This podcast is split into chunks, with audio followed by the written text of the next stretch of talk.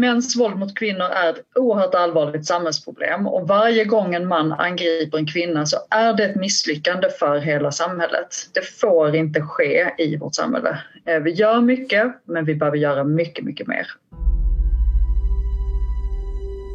I Hör, i Flemingsberg, i Linköping, i Älta, i Alvesta. Fem mördade kvinnor på tre veckor. Och nu ilskan, hopplösheten, frågorna. Hur kan det här få hända igen och igen? Hur kan vi inte lyckas skydda kvinnorna mot männen som slår, hotar och mördar? De senaste åren har i snitt 15 kvinnor årligen dödats av en närstående som de har eller har haft en relation med. Trots rop på hjälp, trots varningssignaler, trots anmälningar. Så vad gör politikerna? Varför har de inte gjort mer? Och blir det någon skillnad för de utsatta kvinnorna nu när frågan äntligen är uppe på agendan? Det ska vi prata om i dagens Aftonbladet Daily. Jag heter Olivia Svensson.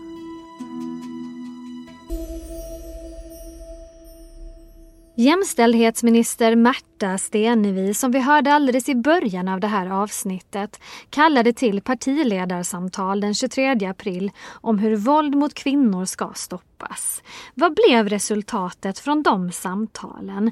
Vi kopplar upp oss mot Aftonbladets inrikespolitiska kommentator Lena Melin.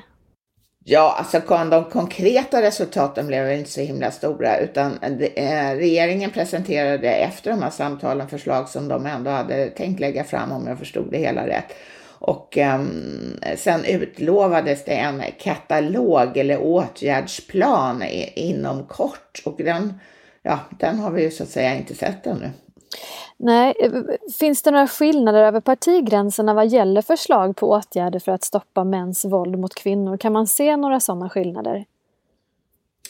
det finns ju en skillnad att, så att säga, högerhalvan i svensk politik är ju mera för det här att, att um, ja, höja straffen för olika åtgärder medan så att säga, vänstersidan försöker gå lite mer in på hur, hur ska man um, in, inte gå till roten med det här problemet, för det har inte heller de eh, några förslag om, men kanske hur man ska ta hand om de här kvinnorna som utsätts för våld. Ja, regeringen har nu lagt fram fyra nya förslag om straffskärpning för kvinnofridskränkning. Det handlar om att utöka brottet till att även omfatta förtal, att fotboja blir förstahandsåtgärd vid utvidgat kontaktförbud, att skärpa straff vid överträdelse av kontaktförbud och att göra det lättare att ge mannen kontaktförbud gällande parternas gemensamma bostad. Mannen ska åka ut ur bostaden, inte kvinnan, säger justitieminister Morgan Johansson. Men hur reagerar experterna på förslagen? Vi ska höra två kriminologer, först Nina Rung och sedan Margareta Hedén. Vissa är bra och andra är inte alls tillräckligt progressiva. Man pratar till exempel om att man är väldigt nöjd med att man lägger fram förslaget om att man ska kunna använda fotboja vid ett utvidgat kontaktförbud. Men det är ju några få sådana per år. Så varför sätter man inte direkt fotboja vid en överträdelse av ordinära kontaktförbud, de som står för liksom 93 procent av eh, alla eh, kontaktförbud till exempel. En enda gång så nämner man kunskap. Ordet kunskap eller att man behöver kunskap kunskap för att veta vad man ska göra. Det finns inte med på kartan och för mig blir det fullständigt eh, overkligt. Vi har, vi har redan nu kontaktförbud, vi har redan nu eh, fotbojor. Vet vi någonting om hur de fungerar, när de fungerar, i vilka sammanhang, för vilka människor, i vilken typ av våld. Om man nu ska bygga vidare på en insats som man har, då bör man ju i alla fall veta att den insatsen är en bra insats och rätt insats som, som fungerar.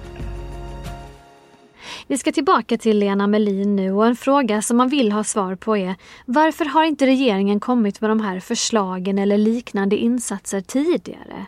Problemet med män som dödar och slår kvinnor är ju knappast nytt. Nej, problemet är väl ungefär lika gammalt som mänskligheten så att det, det, det, det kan man ju verkligen inte säga att det, att det har uppstått nu. Nej, det, alltså, så här är det ju vid varje tillfälle när något problem uppmärksammas mer än det uppmärksammas normalt. Och nu var det ju så att det, att det, eh, det var fem kvinnor som mördades av eh, i huvudsak män som de haft nära relationer till under tre veckor. Och ibland på väldigt otäcka vis när, när deras barn tittade på och så vidare. Mm. Och då, då, då vaknar ju alltid det, det politiska intresset och de får lite eld i baken kan man väl uttrycka det som. Eh, och lägger fram förslag som, som de kanske ja, länge tyckt varit bra men det har blivit liggande till förmån för någonting som just då har verkat mer akut. Ja, för just nu diskuterar ju alla partier mäns våld mot kvinnor. Men vad är det som talar för att de här samtalen kommer att fortsätta och att partierna i fortsättningen kommer att sätta de här frågorna högt på agendan? Ja, ingenting skulle jag vilja säga, utan eh, samtalen kommer ju inte att fortsätta. Det här, det här var en typ av en engångssamtal där regeringen informerade de övriga riksdagspartierna om hur, vad de höll på med och sen vad de tänkte lägga fram då lite senare på eftermiddagen. Sen, sen eh, och så utlovades då den här framtida åtgärdsplanen och jag tror att dels måste de här intresseorganisationerna och kvinnojourerna fortsätta att larma och vi i media måste också kolla upp blir det som eh, regeringen sa? Mm. Eh, kommer det en åtgärdsplan? Och det får ju inte vi slappa eh, och, glömma bort, utan vi får ju liksom skriva upp i almanackan att nej, nu ska jag ringa och höra hur det ligger till med den här åtgärdsplanen. Ja, och vad säger regeringen själva om varför de här förslagen kommer först nu? Borde man inte ha agerat hårdare, kraftigare tidigare? Vi hör justitieminister Morgan Johansson. Det finns säkert eh, saker och ting som eh, man borde ha gjort eh, bättre. Jag kan bara svara för de sista åren som jag har haft ansvar för, för det här. Och eh, då kan jag ju säga att vi eh, eh, bara förra året rekryterade 350 fler utredare till, till polisen med just fokus på, på den här typen av brott. Att vi har den strängaste sexualbrottslagstiftningen någonsin. Att jag har skärpt straffen för så gott som alla de grova våldsbrotten inklusive mord. Och att vi också har satsat på kriminalvården för att minska återfallen i brott. Men det är precis för att vi ska kunna fortsätta med det här jobbet eh, och vara mer effektiva. Det är därför vi tar det här initiativet nu med samtal med de andra partierna, med samtal med myndigheterna, med samtal med civilorganisationerna för att scanna av vad är det ytterligare vi behöver göra då för att se till att nå dit att ingen kvinna ska behöva bli dödad av en före detta eh, man eh, i, eh, i, i den här typen av våld. Det är ju dit vi vill helt enkelt och vi är beredda att göra eh, allt vi kan och sätta av alla de resurser som behövs för att vi ska nå dit. Och hur reagerar oppositionen just nu? Ja, tonläget har varit ganska högt. Annie Lööf har rasat på Facebook och undrat var är vrålet från samhället, från mina politiska kollegor? Var är kommissionerna och de hårda tagen? Ulf Kristersson har sagt att samhället har misslyckats. Är det risk att det blir mer pajkastning nu än samarbete framöver? Vi hör Lena Melin igen. Så det här är ju ingen direkt, alltså det är ju inte en fråga som, som där det finns jättestora motsättningar om att det måste göras någonting, utan motsättningarna handlar väl snarare om mm, nyanser av hur hårt man ska gå, gå fram och vilka, liksom, vilken typ av åtgärder som är viktigast.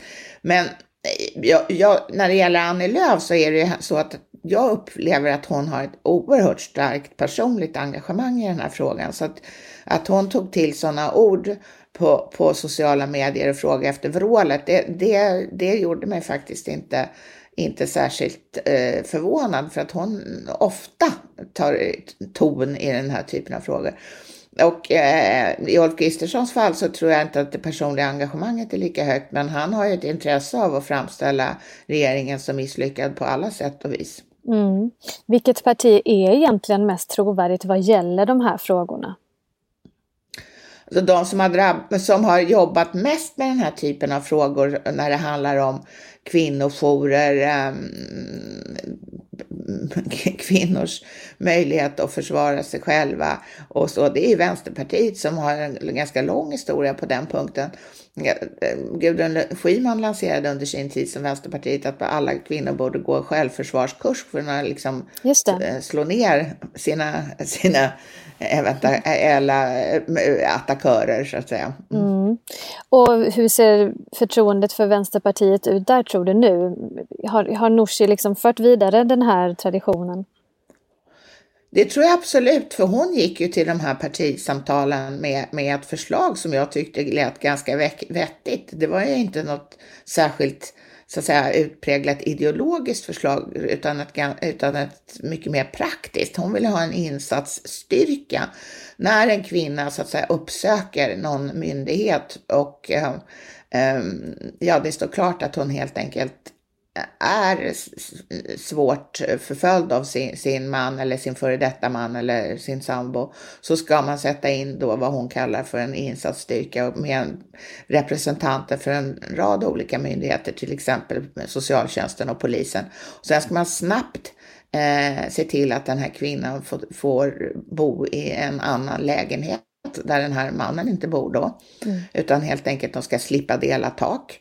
Och eh, man ska också eh, förbereda för, eh, för, ha förberett så långt det går i förväg för kontaktförbud och fotboja och sånt där. Fick hon något gehör för, den, för det förslaget? Nej, okay. jag, tror, jag tror inte att hon kommer att släppa det utan jag tror mm. hon kommer att mala på det där för att jag tror dessutom att det är många, ja, jag tror att det, det är en, även om det inte stoppar våldet så gör det kanske mindre långvarigt. Regeringen har ju utsett en ny krisgrupp. Den består av Märta Stenevi, Morgan Johansson och Mikael Damberg. Vad är det man tänker sig att den här krisgruppen ska kunna åstadkomma? Jag tror avsikten är väl att de närmast berörda departementen, i det här fallet då justitiedepartementet, eh, så att de ska ja, helt enkelt fokusera lite mer på det här. Men den här typen av liksom ja, grupperingar inom regeringen och sånt där, det är ju oftast mer en gest. Och jag, det, förslaget kom ju från eh, Stefan Löfven, eller förslaget, han bestämde mm. helt enkelt att den här gruppen skulle inrättas. Och eh, det, det, var väl vällovligt, men ja, de brukar ju inte ge något resultat, utan det är mer att, man, att i det här fallet då Stefan Löfven eh, försöker säga till väljarna att jag, jag, jag, jag förstår att det här är ett svårt problem och nu nu, nu gör jag en gest här för mm. att förmedla det till er. I, I snitt 15 kvinnor har ju mördats av män i flera år i sträck. Det här är en svår fråga, men enligt dig, vem är det som har misslyckats egentligen i vårt samhälle? Med att, alltså det ser ju fortfarande ut så här.